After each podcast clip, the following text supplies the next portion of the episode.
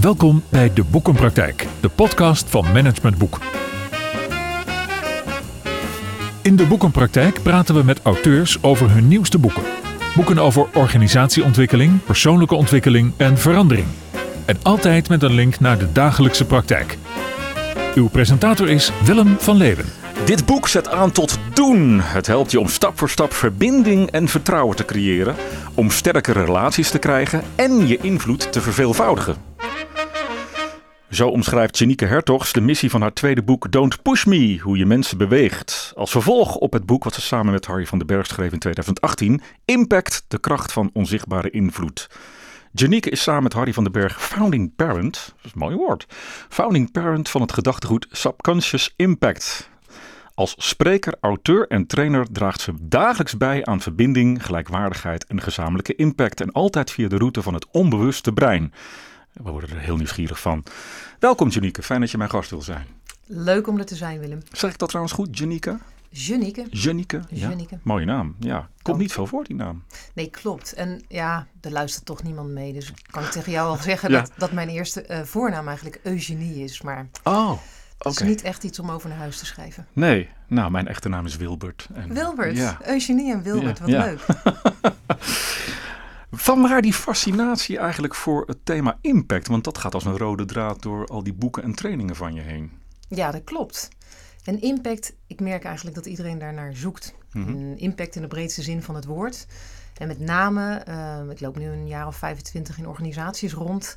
Hoe zorg ik er nou voor dat iemand anders iets gaat inzien of iets gaat doen of Ja. iets gaat ondernemen of in beweging komt? Ja. En dat thema komt via allerlei hoeken, komt het elke keer weer aanzeilen. Ja, eigenlijk is het hele leven continu de ander beïnvloeden natuurlijk. Hè? Want het, je kunt dit thema eh, zakelijk toepassen. Maar ja, ik heb het ook een beetje zitten lezen door de oog van de relatie en vrienden en kinderen, opvoeding, et cetera. Klopt. klopt. Pas jij thuis ook toe? Sorry? Pas jij dit thuis ook toe? Oh, wat een gewetensvraag is dit. Ehm, nou, laat ik het zo zeggen. Als het er heel erg op aankomt, dan eh, denk ik, oh, hertogs, even opletten. Mhm. Ehm, want op het moment dat je eh, urgentie en belang voelt, of dat er iets aan geraakt wordt waarvan je denkt, hé, hey, dit is heel belangrijk. Ja, dan is het een natuurlijke neiging om dan te kijken of je de ander even kan uitleggen wat je bedoelt. Ja, Maar ja, dat werkt niet zo goed. ja. Dus ik maak me er wel eens schuldig aan thuis. En verder in deze aflevering Leren wij van Janieke hoe je daadwerkelijk verbinding kunt maken met de ander en de ander kunt overtuigen. En dan gaat het over poelen in plaats van pushen. Dat zijn toch wel twee centrale termen en thema's. Klopt. Zullen we maar eens met dat pushen beginnen? Want dat is de, de sterkste neiging die we de hele dag door, en ik waarschijnlijk ook in dit gesprek, eh, hebben. Wat is dat, pushen? Pushen is eigenlijk elk moment waarop jij besluit om aan een ander uit te leggen hoe die het eigenlijk zou moeten zien. Hm. Dus onder pushen ehm, versta ik ook vertellen, Ja, een voorbeeld geven, ja, een advies geven, een Ja. tip geven, Ja. je mening geven, het nog eens een keer herhalen. Je beroepen op wet en regelgeving, op beleid. En elke keer als die ander denkt, eh, of als je denkt, die ander snapt het nog niet, dan doe je de hele riedel nog een keer. Dus Ja. dan ga je herhalen en nog eens uitleggen ja. met een ander voorbeeld. Ja, en het werkt gewoon niet. Nee. Wa- want, waar- waarom werkt het niet? Nou, wat we niet zo goed wisten tot een jaar of tien geleden, is dat mensen onbewust eh, een, een defensiemechanisme om hun ego heen hebben. Dat moet je even uitleggen. Ja, ik Exact. nog- drie termen: onbewust, ego en defensiemechanisme. Precies, precies. Nou, Daniel Kahneman die liet eh, een jaar of eh, twintig geleden zien dat mensen in hoge mate onbewust zijn. Daniel Kahneman is een eh, Amerikaans econoom en psycholoog. Nobelprijswinnaar van het fantastische boek Ons Veilbare Denken. Exact. Ja. Exact. En hij liet zien dat mensen in hoge mate onbewust zijn. En dat dat, eh, nou in die tijd was het ongeveer 95% En wetenschappelijk onderzoek laat zien dat dat percentage steeds ehm, groter wordt.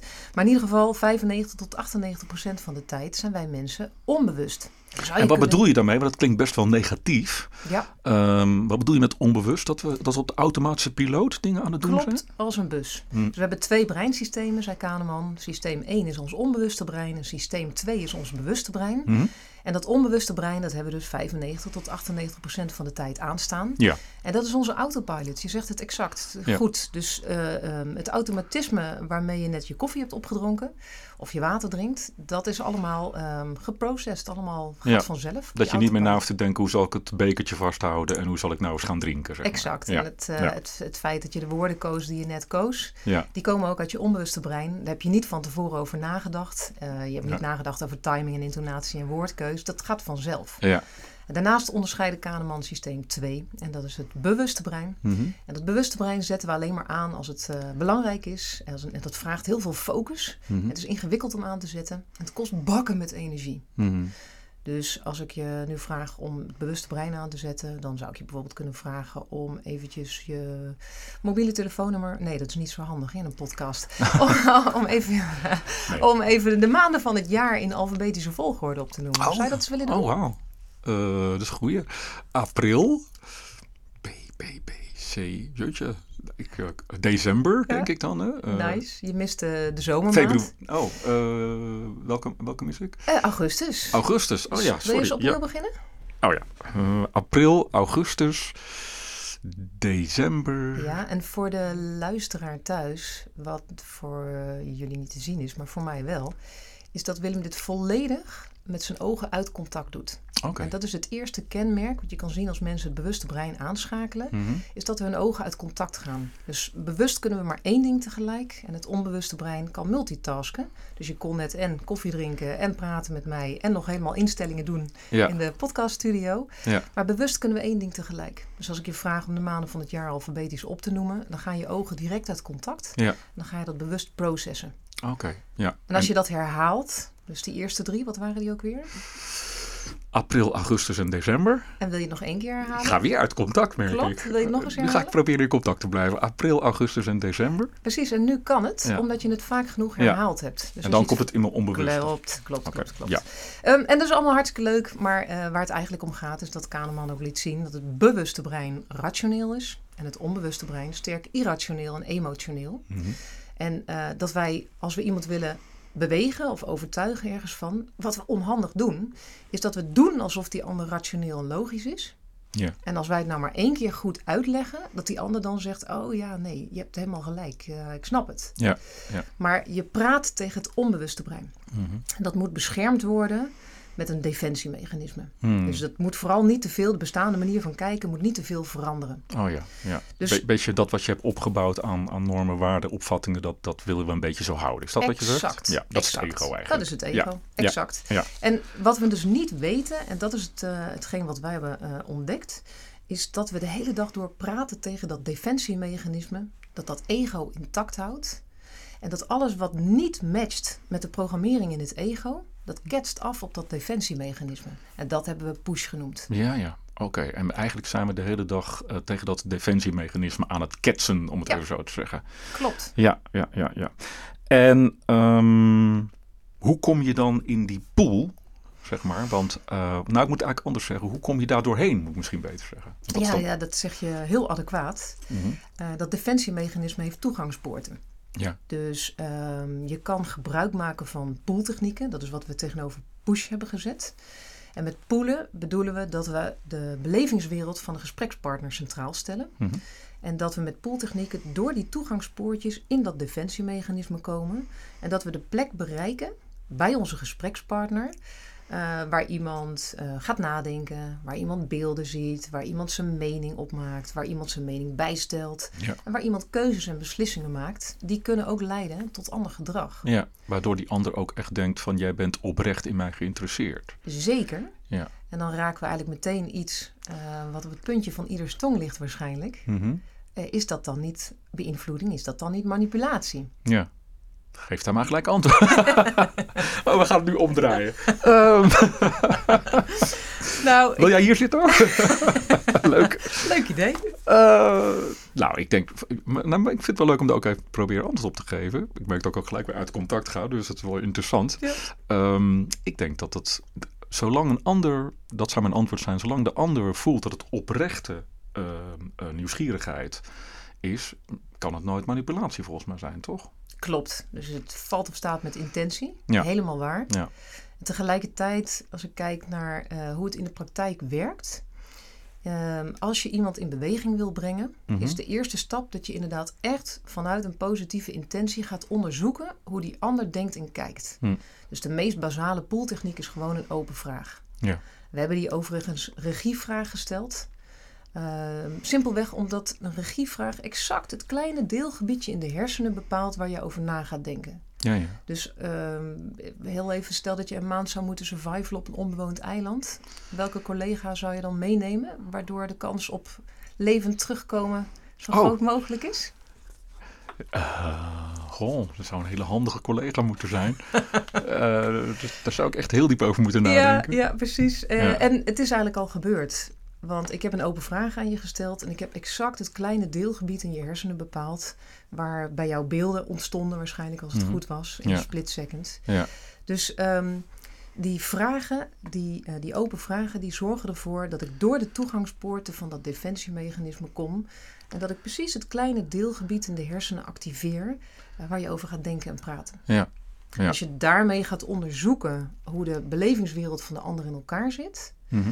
Ehm, dan zal je merken dat als je dat doet vanuit oprechte belangstelling en interesse en met een goede intentie, dat daar heel vaak dingen uit naar voren komen die je eigenlijk helemaal niet wil horen. Ja. Omdat je zelf een ander spoor hebt of Ja. een andere gedachte. Ja. En dat is precies het punt wat je helemaal in het begin maakte. Dat maakt het zo ongelooflijk lastig Mhm. om het toe te passen. Ja, omdat je echt helemaal je eigen argumenten, je eigen overtuigingen toch als het ware moet los durven laten. Klopt. Omdat je wel eens iets heel anders zou kunnen terugkrijgen en horen dan waar je zelf überhaupt aan gedacht hebt. Klopt. Ja. Als we dan terugkomen op het vraagstuk in hoeverre is het manipulatie. Ja, als je het echt zuiver en goed toepast, dan zal je zien dat hoe vaker je het doet, hoe vaker je dingen te horen krijgt in die belevingswereld van die ander, die eigenlijk jouw blinde vlek zijn, Mhm. maar die de totale oplossing van het vraagstuk veel sterker maken dan wanneer jij het in je eentje had bepaald en Ja. had, eh, de ander had overtuigd om dat plan te volgen. Ja.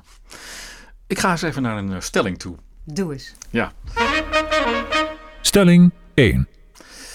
De meeste mensen zijn in gesprekken vooral uit op de bevestiging van hun eigen gelijk. Ja, die lijkt me logisch. Ja, eens. Ja.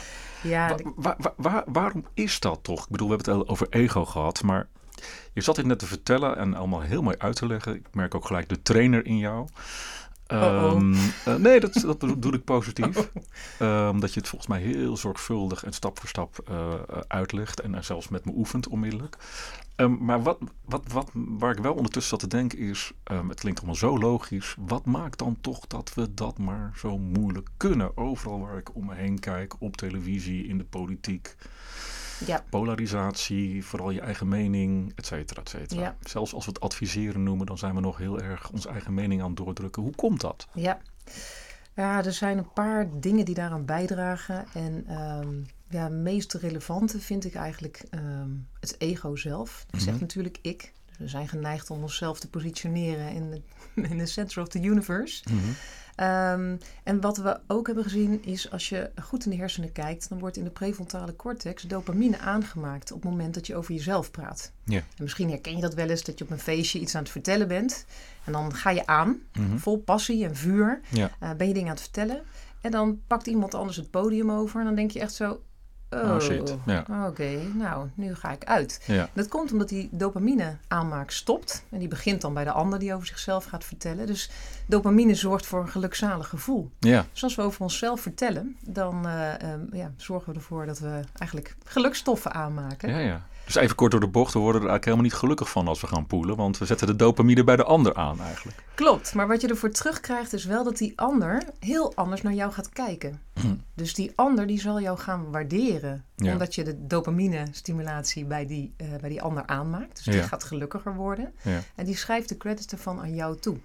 Dus die zal jou sympathiek gaan vinden. Mhm. En die zal jouw autoriteit toe gaan dichten. En die zal jouw leiderschap toe gaan dichten. Maar dat is wel even interessant, hè? Want ehm, dat vond ik ook weer heel vernieuwend in, in, in het boek. eh, de perceptieladder. Ja, Ehm, het gaat er namelijk ook over, en jij kan het nog veel beter uitleggen, dat eh, het, het is niet alleen maar een kwestie van de techniek van poelen in plaats van pushen, maar die ander heeft, kijkt ook op een bepaalde manier naar jou en je moet eigenlijk meer in de waardering bij die ander komen. Zo vat ik het even samen. Kun, kun je daar iets meer over vertellen? Ja, een hele goeie. Ehm, Ja, het valt of staat natuurlijk met ehm, hoe kijkt de ander naar jou. Mhm. Stel, je wil een ander in beweging brengen en je wil dat hij iets gaat doen. Ehm, pff, laten we eens wat bedenken. Heb jij een leuk praktijkvoorbeeld?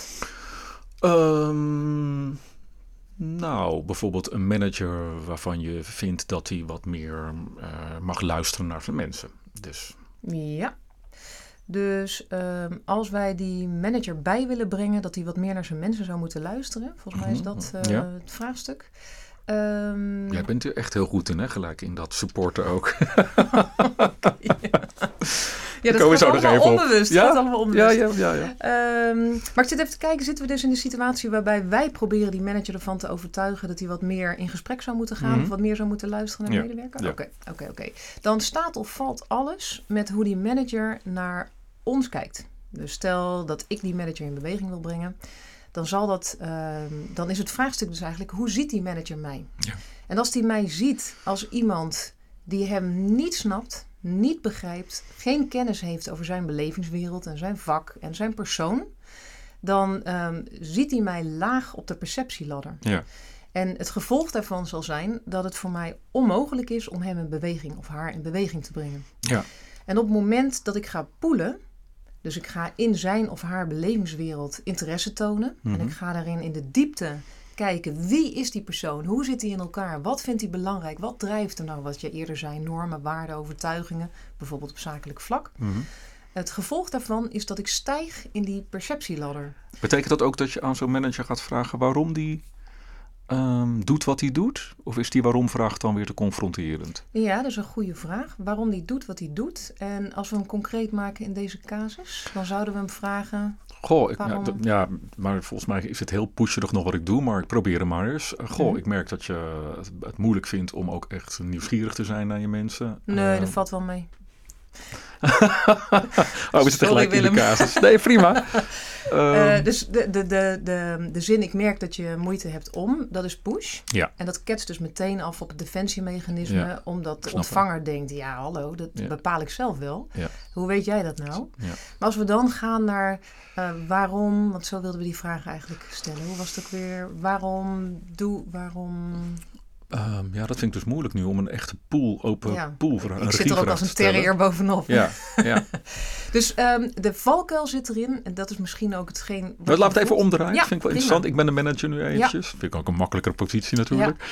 Wat, Dus- wat zou jij dan aan mij vragen als je constateert dat deze manager het heel moeilijk vindt om echt oprecht nieuwsgierig naar zijn mensen te zijn? Wat zou Ja, precies. Dus ik zou eerst in verbinding komen. Ik ga het zo doen hoor. Maar het zijn eigenlijk verschillende stappen die je zet. En de eerste stap is dat ik in positie moet komen in jouw onbewuste brein. Ja. Dus ik ga bij jou poelen in je belevingswereld. Mhm. En dat betekent dat ik niet stuur, dat ik niet oordeel, dat ik niet mijn mening geef. Nee. En dat ik geen gesloten vragen stel of vragen die mij handig uitkomen. Als dat zo meteen gebeurd is, kunnen we naar stap 2 gaan. Ja. Waarin ik je nieuwe inzichten laat denken. Mhm. En stap 3 is dat we gaan kijken naar toekomst en actie en wat zullen we afspreken met elkaar. Ja. Ja. Dus ik ga in jouw belevingswereld ga ik poelen. Dus Ja. ik vraag aan jou, eh, hoe gaat het met je? Oké, dus je, ja, oké. Nou, gaat, eh, gaat wel goed. Alleen ja, die wat mensen die willen maar niet mee. Hè. Die komen ook niet Ach. meer op kantoor. En Oké. ik heb al honderd keer tegen ze gezegd dat ze nou weer eens een keer, ondanks dat thuiswerken, op kantoor moeten komen. Maar ja, Ja. Dus klopt het dat het prioriteit heeft voor je? Ja, ik vind het wel belangrijk dat de mensen ook gewoon elkaar wat meer zien. En dat Ja. ik ze ook eens een keer weer fysiek tegenkom. Ja, ja, ja, ja. En waarom is dat voor jou belangrijk? Ehm, nou, ik heb het idee dat we dan meer gewoon contact hebben. En het sociale element in het werk is ook belangrijk. Merk, Ja. Mensen geven ook aan dat ze zich afgestomd voelen. En dan, nou, Ja. dan roep ik, kom dan naar kantoor en dan doen ze dat niet. Dat doen ze niet. Ja. Nee. Dus eigenlijk focus je er heel erg op en ben je bezig om ze te activeren om naar kantoor te komen, omdat ze het zelf eigenlijk ook graag willen. Ja, Maar tegelijkertijd geven ze er geen gehoor aan. Klopt dat? exact. Ja, oké. ja. Hey, en ehm, eh, wat zou je hierin het liefst willen bereiken? Ik zou het liefst willen bereiken dat, ehm, ja, we, we, dat de werksfeer en het sociale contact tussen mensen weer wat meer eh, aandacht krijgt. En dat dat dus verbetert. Ja, oké. En als je met mensen in gesprek bent op dit moment, hoe gaat dat dan? Oké, nou, nou kunnen we nog een heel tijdje doorgaan. Ja, maar hè, oké. Klopt? En dus je bent, je, je leidt mij heel erg naar, ehm, je, je bent je eerst heel erg in mij aan het verdiepen. Klopt. Ehm, ik, ik hoor ook echt geen oordeel, eigenlijk alleen maar nieuwsgierigheid. Klopt. Komt er dan wel een moment dat je mij op een gegeven moment, want dat eigen oordeel van je luistert niet naar je mensen, dat, Ja. dat komt nergens meer terug? Of? Ja, wel. ehm, dat is een hele goeie. Ehm, ik heb eigenlijk nog even iets nodig waardoor jij eh, denkt van, oh, wacht eventjes. Eh, want je kan soms ook best heel kort even iets Mhm. pushen. Maar het is nog handiger om dat te doen met een, eh, met een checkvraag bijvoorbeeld. Mhm. Je zegt, ehm, dan pak ik hem weer even op. Ja. Zeg ik, klopt het dat je wel eens hebt teruggekregen van medewerkers eh, dat je moeilijk toegankelijk of moeilijk bereikbaar bent? Of dat je... Ja, maar ja, dat is ook in mijn positie. Hè. Ik ben al helemaal algemeen manager, dus ik zit Ja. ver bij die mensen vandaan. Dan komen ze ook niet naar het kantoor. Ja, wonder dat er afstand is. Ja, precies. Dat is eigenlijk frustrerend. Hè? Je Ja. wil heel graag en tegelijkertijd eh, zijn ze er niet, komen ze niet. Oké, en ehm, hoe is dat voor jou als je dat terugkrijgt van mensen? Ja, dan denk ik in eerste instantie klopt, maar dan denk ik in tweede instantie doe er dan zelf eens wat aan. Ja, precies. Ja. Ja. En hoe ervaar jij dat dan persoonlijk op het moment dat dat gebeurt? Dat irriteert me. Oké, Ja. oké. Oké, en nu kom ik op het punt, want ik ben nu ehm, zo diep in jouw belevingswereld gekomen dat ik op de laag van emotie, beleving en belang terechtgekomen ben. Mhm. Ja, En daar zie je dat als je dat niveau aanraakt, dat mensen over zichzelf in de ik-vorm gaan praten. ja, Dus dat ze zeggen, ik vind dat frustrerend. Ja. In plaats van in het voorgesprek, dan hebben ze het over zichzelf in die je-vorm bijvoorbeeld. Ja. Je merkt dan dat het lastig is om ze weer naar kantoor te krijgen. eraan herken je dat ze het eigenlijk nog niet echt, dat ze nog niet echt kwetsbaar zijn. Of, Precies, precies. En op het moment, eh, ik vroeg door op een laag van, wat betekent dat dan voor jou persoonlijk? Mhm. is dat voor jou persoonlijk? Toen schakelde je naar ik. Ja. En dat is het moment waarop je kan gaan naar de tweede stap. En ik zou nu eigenlijk het liefst willen gaan pushen. Joehoe, luister dan wat beter naar je medewerkers. ja, ik denk, nu kan ik, hem, nu kan ik hem inpeperen. Exact. maar dan praat je weer tegen dat stomme defensiemechanisme. Dus nu zou je de vraag kunnen stellen: oké, en ehm, wat zou je nog beter kunnen doen als je kijkt naar die gesprekken met die mensen, als het gaat Oh, om ja. echt naar ze luisteren? Welke kans zie je dan nog? Oh ja, mooi. Dat, is een hele, dat vind ik een hele mooie vraag. Ja. Want het, eh, ik, ga, ik ga antwoord geven hoor, maar Ja. je- eigenlijk zeg je in die vraag: wat zou je nog beter kunnen doen? Dus ook een soort waarderende benadering zit daarin. Ja. Ja, ik zou misschien ehm, nog iets meer eh, kunnen vragen aan ze waarom ze zo weinig naar kantoor komen. Oké, Dus Oké, ik zou ze misschien nog iets meer in, in, in hun eh, thuissituatie kunnen verdiepen. oké. En ehm, wat zou dat opleveren als je dat zou gaan doen? Nou, ik denk dat ze dan meer. Eh, dat ik meer inzicht krijg in dat ik meer inzicht krijg in waarom ze doen wat ze doen. Dus ja. Ja, ja. En op termijn, wat zou dat dan weer opleveren? Ik denk een betere werkrelatie. Betere werkrelatie. Oké.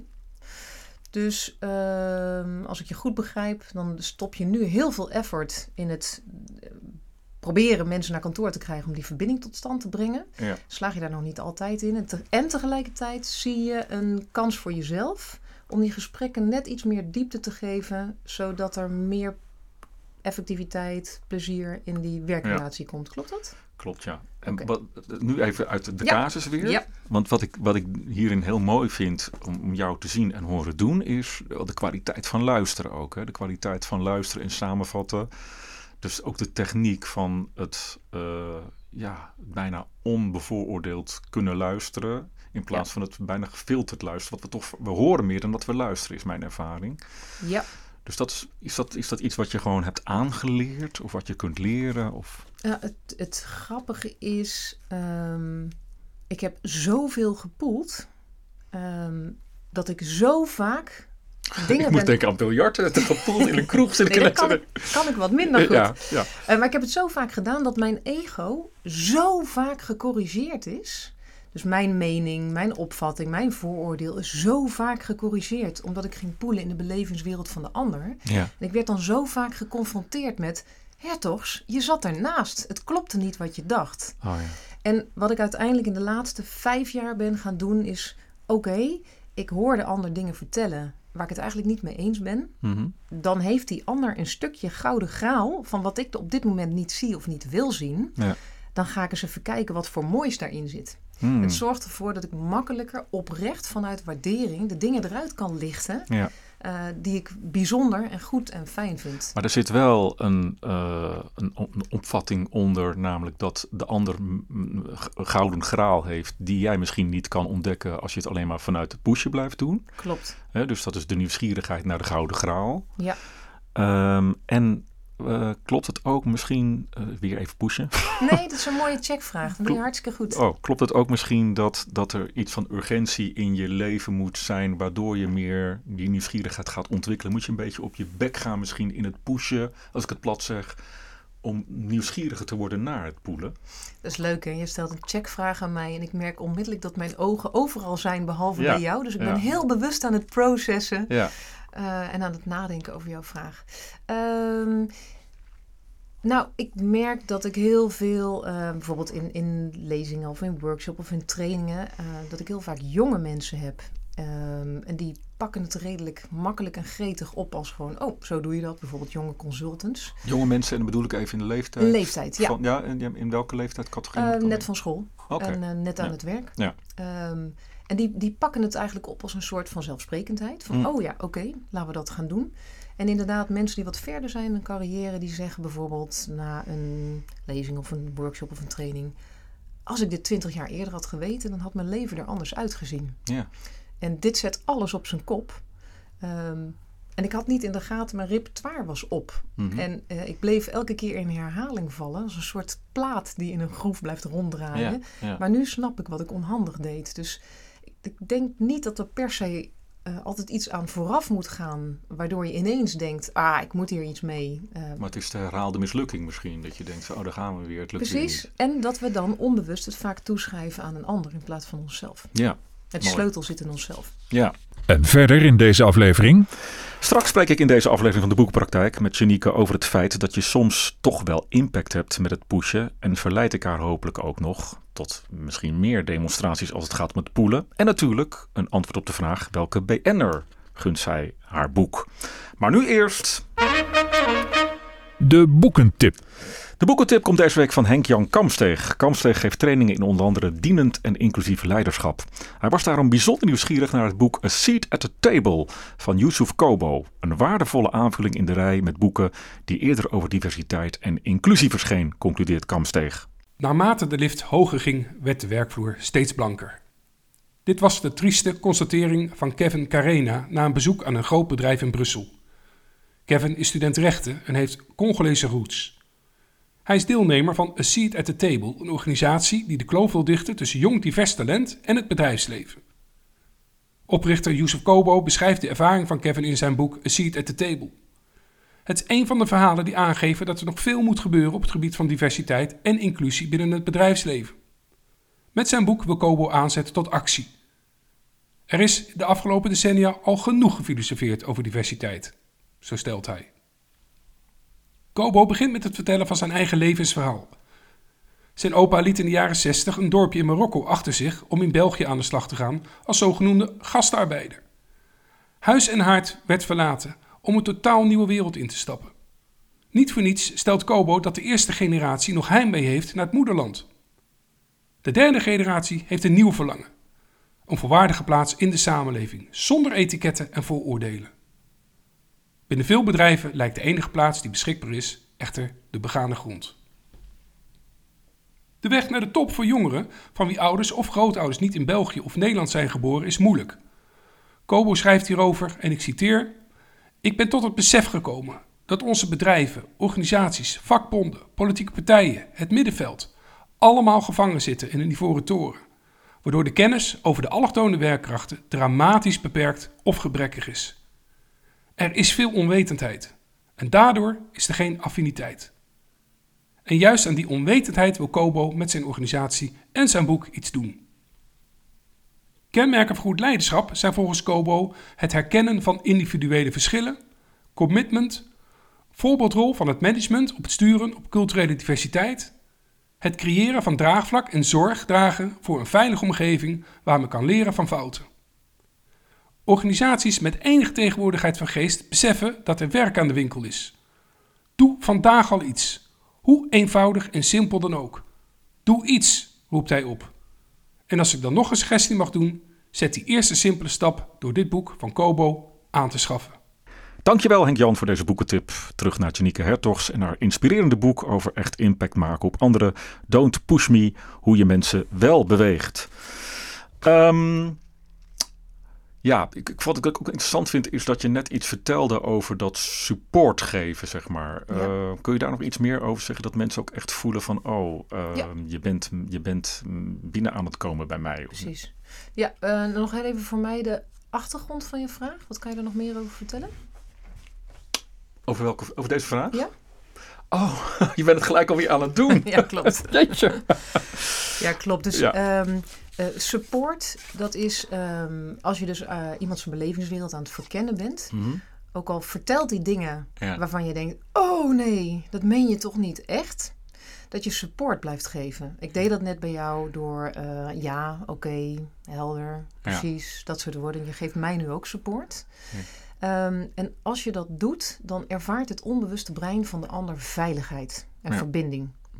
En je stimuleert die ander om meer te vertellen. Dus je komt makkelijker op een diepere laag in de belevingswereld, omdat je het veilig maakt voor die ander. Ja, daar zit waarschijnlijk ook wel iets van non-verbaliteit in. Hè? Want ik, ik kan ondertussen ja tegen jou zeggen, ja. Maar ik kan ondertussen bijvoorbeeld bij spreken ook op horloge kijken. Of op de, Klopt. de klok kijken van hoe lang duurt het gesprek nog. Dan, dan zeg ik wel ja, maar dan voel je dat kennelijk niet.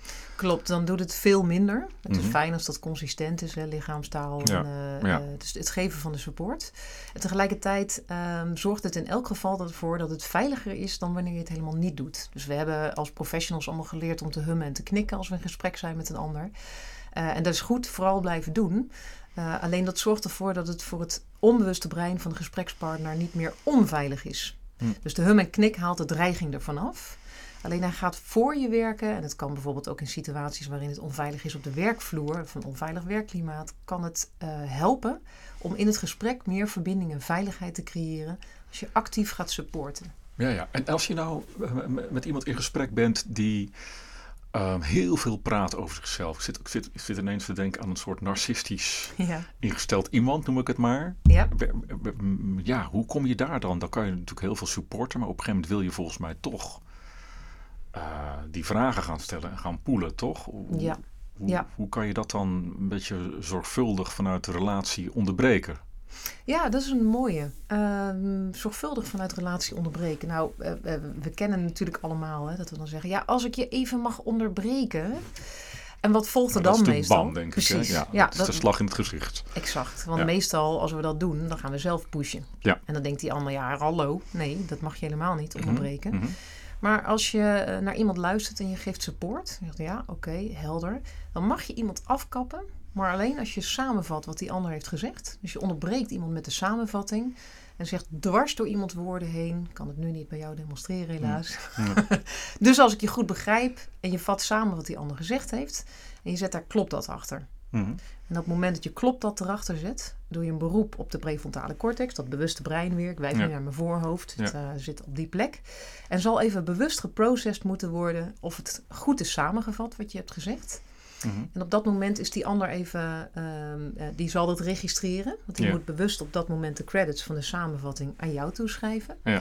En dat creëert ruimte om ehm, een, een nieuwe regievraag te stellen. Of even het zelf eh, te sturen naar een plek met een vraag waar jij graag heen wil.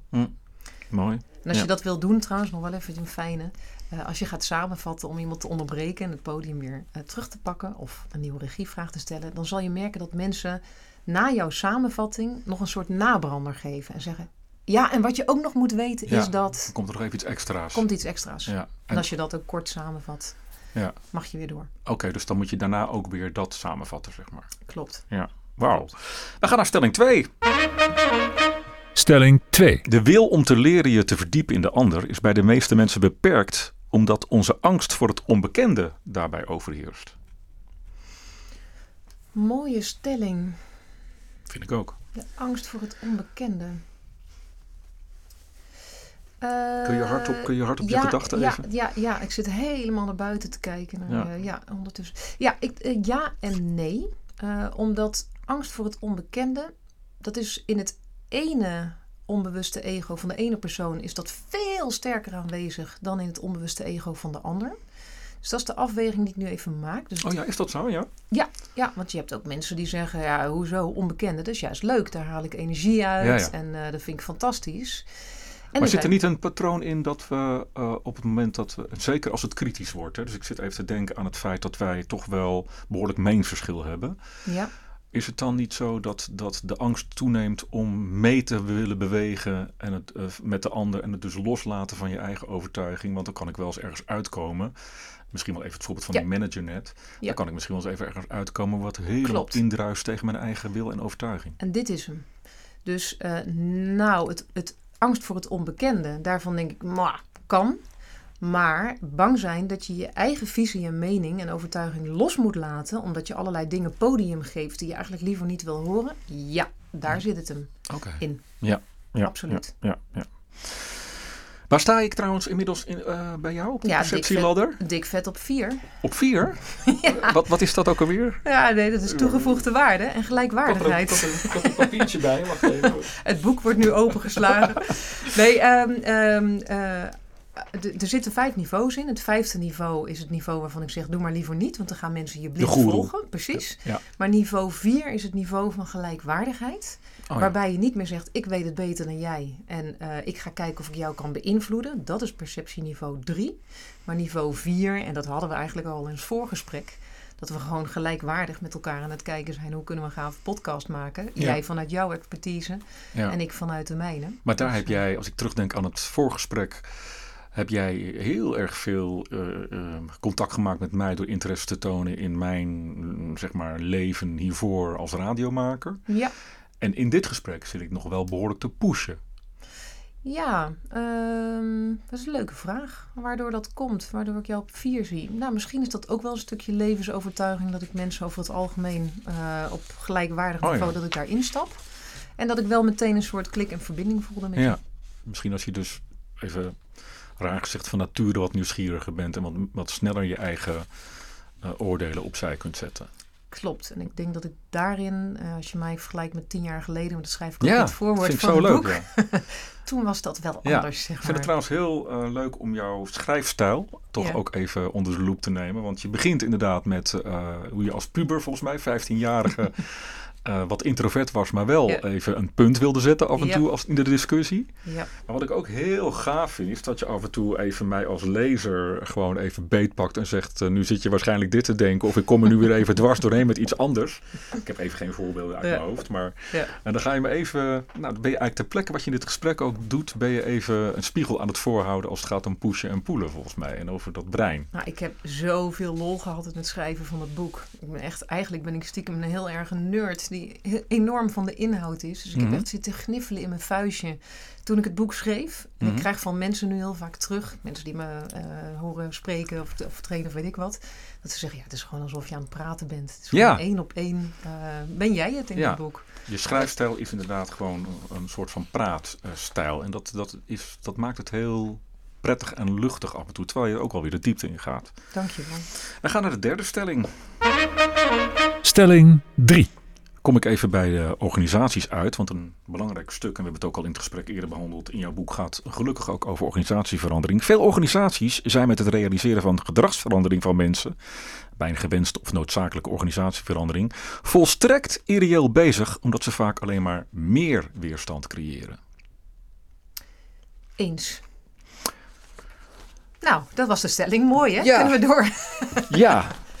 Ehm, Is dat alleen maar een consequentie van het vele pushen dat we meer weerstand creëren? Of Ja. zit daar nog iets anders onder? Ehm, wat ik in ieder geval heb gezien is elk moment waarop je pusht en eh, je hebt een ander idee Mhm. dan je gesprekspartner, dan zal die onbewust, zal die zich niet gezien en gehoord voelen. En ehm, weerstand pak ik dan even heel breed. Soms krijg je een tegenpush, dus dat die ander gaat uitleggen ja, waarom jij het verkeerd ziet. Soms is de reactie eh, heel duidelijk. Zal dat zijn eh, miskenning of teleurstelling of eh, agressie, noem maar op. En de meest lastige is dat mensen dan zeggen, of ze zeggen niks, of ze zeggen ja, mhm, interessant. Ah, ah, klopt. dus dat dan achteraf bij het koffieapparaat wordt gezegd, nou ja, jee, maar ik weet niet waar die, hoe haalt hij nou weer in zijn hoofd om? Ja, Dus eh, een soort, ja, als je niks hoort, dan wil dat niet zeggen dat het goed geland is. Ja. Maar eigenlijk draagt dat push altijd bij aan Ja. weerstand op het moment dat je een verschillende mening hebt. Ja. En als, zender eh, is het heel duidelijk als iemand weerstand toont verbaal. Hè, van dat nou onzin, of daar ben ik het niet mee eens. Maar er is natuurlijk ook vaak impliciete weerstand. Dat hummen Ja. of inderdaad zeggen, nou dat klopt. En ondertussen Ja. denken, talk to the hand and not to the face. Ja. Wat vraagt dat van jou als zender? Dat je ook heel alert steeds bent op, op de signalen die ik als, als ontvanger uitzend? Of, ja, volgens mij zit het in de formulering van je vraag. Want je zegt, wat vraagt dat van jou als zender? Mhm. Maar ja, dan zeg je eigenlijk, wat vraagt dat van jou als pusher? Oh ja. En eigenlijk zou je dus moeten poelen. Dus Oh ja. weerstand kan je weghalen in... Zware weerstand kan je weghalen in pak een beet een minuut. Dus die termen zender en ontvanger zijn eigenlijk ook al heel geframed. Klopt, want Ja. zender ja, Ja. Is, is Is pusher. pushen. En Ja. ontvanger is degene die denkt: Goh, wanneer is deze push voorbij? Zo, nou. Ja, hij is voorbij. Mooi. Kan ik weer doen wat ik aan het doen was. Het is een bijzonder inefficiënt eh, systeem wat we, ons, eh, wat we in stand houden met elkaar, Ja. dat pushen. Mooi. Ja, daar komt hij dan. De laatste vraag. Ehm, ik had hem al even aangekondigd. Ehm, welke bekende Nederlander zou jij jouw boek met name gunnen? Je zegt van, oh, die kan wel wat pool gebruiken. Of wat meer ehm, ja, Ja. effectieve beïnvloeding. Ja, ik heb er gaandeweg het gesprek met een halve hersenkwap, heb ik daar ook nog een beetje over nagedacht. Ehm, ik merk dat ik het niet ophang aan een persoon. Als ik het aan een persoon moet ophangen, dan zou ik het op dit moment toch aan Rutte ophangen. Niet omdat ik vind dat Rutte dat heel hard zelf nodig heeft. Ik denk wel dat hij daar zeker baat bij zou kunnen hebben. Maar als ik kijk naar de politiek en ik kijk naar de complexe maatschappelijke vraagstukken waar wij voor staan in deze samenleving. Mhm. En ik zie dat het politieke debat eigenlijk alleen maar wordt gevoerd vanuit push en eh, stemmingmakerij. Ehm, terwijl ik denk dat op het moment dat je complexe vraagstukken gaat oplossen vanuit eigenlijk dat niveau 4, wat ik net aanhaalde in onze eh samenwerkingrelatie. Als je echt gaat verkennen ehm, waar heeft Caroline van der Plas een, eh, een echt terecht punt, dus waar zit het goud in haar standpunt. Ehm, eh, en dat eh, de oppositie dat ook doet. En dat Caroline dat ook doet bij de oppositie, om maar even zo te zeggen. Dat je echt met elkaar kan kijken vanuit volledig begrip. Mhm. Oké, en hoe gaan we dat nou opnemen? Met een achtneming van dit en in achtneming van dat. Hoe kunnen we nou een oplossing bedenken die in ieder geval ervoor zorgt dat we het zo goed mogelijk doen binnen het bestaande perspectief? Ja, ja. Ehm, en ik denk dat daar ehm, heel wat vraagstukken, dat de oplossingen op heel wat vraagstukken daar rijker uitkomen dan wanneer we alleen maar eh, als een soort ehm, toeschouwers kijken naar een hele hoop pushgeweld, ja. maar nul verbinding. Hmm. Je brengt me toch nog even op een andere vraag, omdat je de naam Caroline van der Plas noemt. Het gaat me niet zozeer om haar als persoon, maar zij heeft heel veel sympathie. Zij staat heel hoog op die perceptieladder bij veel mensen, kennelijk nu. ja, ja, ja. Maar Maar tegelijkertijd poelt ze niet zoveel. nee, klopt. Maar wat er gebeurt is eigenlijk de confirmation bias. Namelijk, zij verwoordt de stem van ja, eh, het sentiment. populisme toch eigenlijk. Ja, in ieder geval heeft zij ehm, in de maatschappij, ehm, ik, wij noemen het, of ik noem het in het boek ook scope. Zij verwoordt de scope van heel veel mensen, de heel, een hele grote achterban, die nu eindelijk zeggen: hè, hè, de vlaggen kunnen weer terug in de oorspronkelijke, want we zijn gehoord. Ja, Zij verwoordt onze stem. Alleen echt oprecht, en het is niet zo dat ik, eh, want het gaat twee kanten op, eh, maar echt oprecht verkennen van wat is je punt? Wat is het sentiment dat eronder leeft? Wat is het sentiment eh, ehm, eh, waar we echt mee te dealen hebben in plaats van de buitenlaag van push, statement maken, punt maken en daarmee Ja. applaus van de achterban genereren? ja er zit Dat nog wel een wezenlijk verschil hè, tussen zeg maar, eh, een beetje meepraten en het sentiment van de ander verwoorden. Ja. Versus echt poelen en echt de verdieping zoeken in je bevraging naar wat, wat drijft jou. En dat sentiment dus ook betrekken in een gezamenlijke oplossing en een stap verder. Ja. En het zal kunnen dat dan eh, voor de ene partij voelt dat misschien als een suboptimale oplossing. Eh, maar dat hoeft niet zo te zijn. Dankjewel, Ginny. Graag gedaan. Voor, eh, ik zou bijna willen zeggen, dit college. Nee, Sorry. ik vond, ik vond, nee, Voor dit pushgeweld van mij. Nee, nee, ik vond het juist heel fijn eh, dat wat je in het gesprek doet, eh, ook in het boek met name doet, namelijk eh, echt al een soort van training geeft met heel veel voorbeelden, dialoogvoorbeelden eh, uit de praktijk. Zeer leerzaam om de techniek van poelen te kunnen beheersen en daadwerkelijk impact te hebben op de ander. Daar, er zit een training onder, hè? eh, subconscious impact. Is dat de naam van de training dan ook, of is dat de methodiek? Als je kijkt op die naam en de onmogelijke website, kom je een heel palet aan trainingen tegen. Ja, Maar je kan ook gewoon kijken op don'tpushme.nl. ja en daar leer je, wat zijn nou, 35 pooltechnieken sowieso? Dat kan. Eh, het gedachtegoed bestaat uit 35 pooltechnieken. En in een training meestal, dat je die echt kan beheersen, heb je er een stuk of 10 of 12 eh, te pakken. En dan vraagt het dus inderdaad heel veel doen, doen, doen, doen, doen. En dan landen ze in je onbewuste systeem en dan gaat het moeiteloos. Oké. Ehm, ik zat nog even te denken, ehm, maar dat kwam door iets anders waar ik van de week mee geconfronteerd werd. Zou eh, het vervolg van zo'n boek nou misschien nog meer op relaties kunnen gaan? Wat bedoel je daarmee? Daar gaan we weer. Nou, ehm, ik zie ook heel veel natuurlijk eh, mediation en, en, en, en mensen die elkaar niet meer begrijpen in relaties. Ja. En eh, natuurlijk kun je daar een algemeen boek als Don't Push Me. Ja. Maar volgens mij ehm, zou je dat nog weer kunnen verbijzonderen in een apart deel of zo. Precies, dus persoonlijke relaties, liefdesrelaties, vriendschapsrelaties. Ja, absoluut. Opvoeding, ja, Ja. absoluut. Dus eh, nou, ik ben nog niet uitgeschreven. Oké. Wordt vervolgd. Nou, dan zien we je vast, of horen we je vast nog een keer terug in eh, de boekenpraktijk. Dankjewel. Hartstikke leuk. Ik verwijs jou als luisteraar eh, van de Boekenpraktijk weer heel graag naar de volgende aflevering over twee weken. Nou, volgens mij volgende week al, want dan hebben we een aflevering met Henk-Jan Kamsteeg over zijn schrijfproces. En daarna natuurlijk weer, laten we zeggen, de reguliere afleveringen waarin we met een auteur spreken over zijn of haar opmerkelijk recent verschenen managementboek en plotten we de strekking van dit boek op een actuele casus uit de praktijk. Rest mij hartelijk te danken voor het beluisteren van deze podcast. Heb je vragen, opmerkingen of suggesties? Mail dat dan SVP naar info.managementboek.nl